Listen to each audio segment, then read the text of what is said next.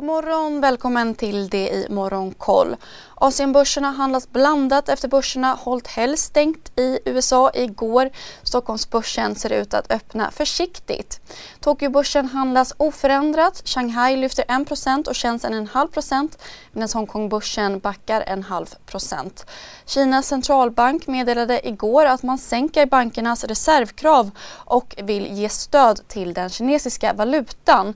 Enligt analytiker till CNBC signalerar det att regeringen är missnöjd med hur valutan försvagas.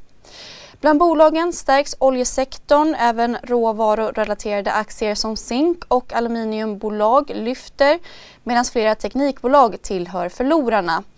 Australiens centralbank höjer styrräntan med 50 punkter som väntat till 2,35 procent och de japanska hushållens konsumtion sjönk 1,4% i juli rensat för säsongseffekter mot månaden innan.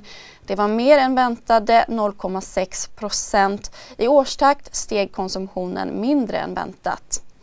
På samma tema har Portugal presenterat ett stödpaket på 2,4 miljarder euro motsvarande nära 26 miljarder kronor till landets hushåll för att klara av de stigande priserna. Konsumentpriserna i Nederländerna steg 12% i augusti mot samma månad förra året och försäljningen i den brittiska detaljhandeln ökade något mer än väntat med 0,5% i augusti mot förra året. På råvarumarknaden stärks bräntoljan runt 2% till 95 dollar fatet. Det är efter gårdagens beslut från OPEC att minska produktionen med 100 000 fat per dag. Med en värld i gungning blir det viktigare än någonsin med kunskap och diskussion. Att värna det fria ordet, för livet och demokratin. Så när du trodde att du visste allt, har vi alltid lite till. Privata affärer plus allt. All journalistik du behöver, samlad. Prova en månad gratis. USA från och med i oktober.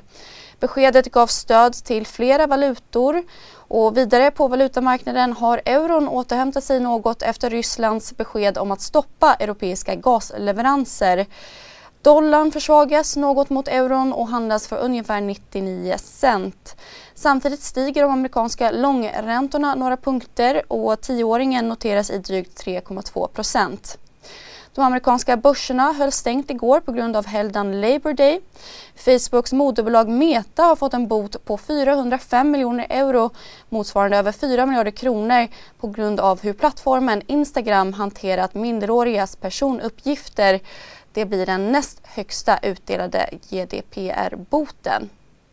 Så till Sverige där Skype-grundaren Niklas Zennströms riskkapitalbolag Atomico nu säljer sina sista aktier i Truecaller. Posten på drygt 8 miljoner aktier motsvarar runt 2% av bolaget. Scania förvärvar Arver som är en återförsäljare av lastbilar, service och reservdelar samt relaterade fastighetsbolag.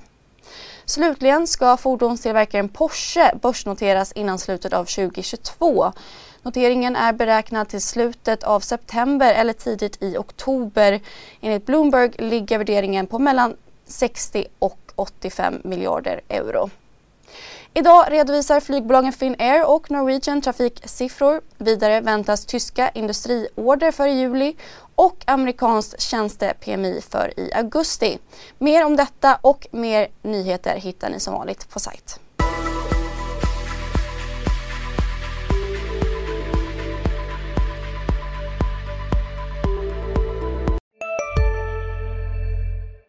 Har du också valt att bli egen? Då är det viktigt att skaffa en bra företagsförsäkring. Hos oss är alla småföretag stora och inga frågor för små. Swedeas företagsförsäkring är anpassad för mindre företag och täcker även sånt som din hemförsäkring inte täcker. Gå in på swedea.se företag och jämför själv. CSRD, ännu en förkortning som väcker känslor hos företagare. Men lugn, våra rådgivare här på PWC har koll på det som din verksamhet berörs av. Från hållbarhetslösningar och nya regelverk till affärsutveckling och ansvarsfulla AI-strategier. Välkommen till PWC.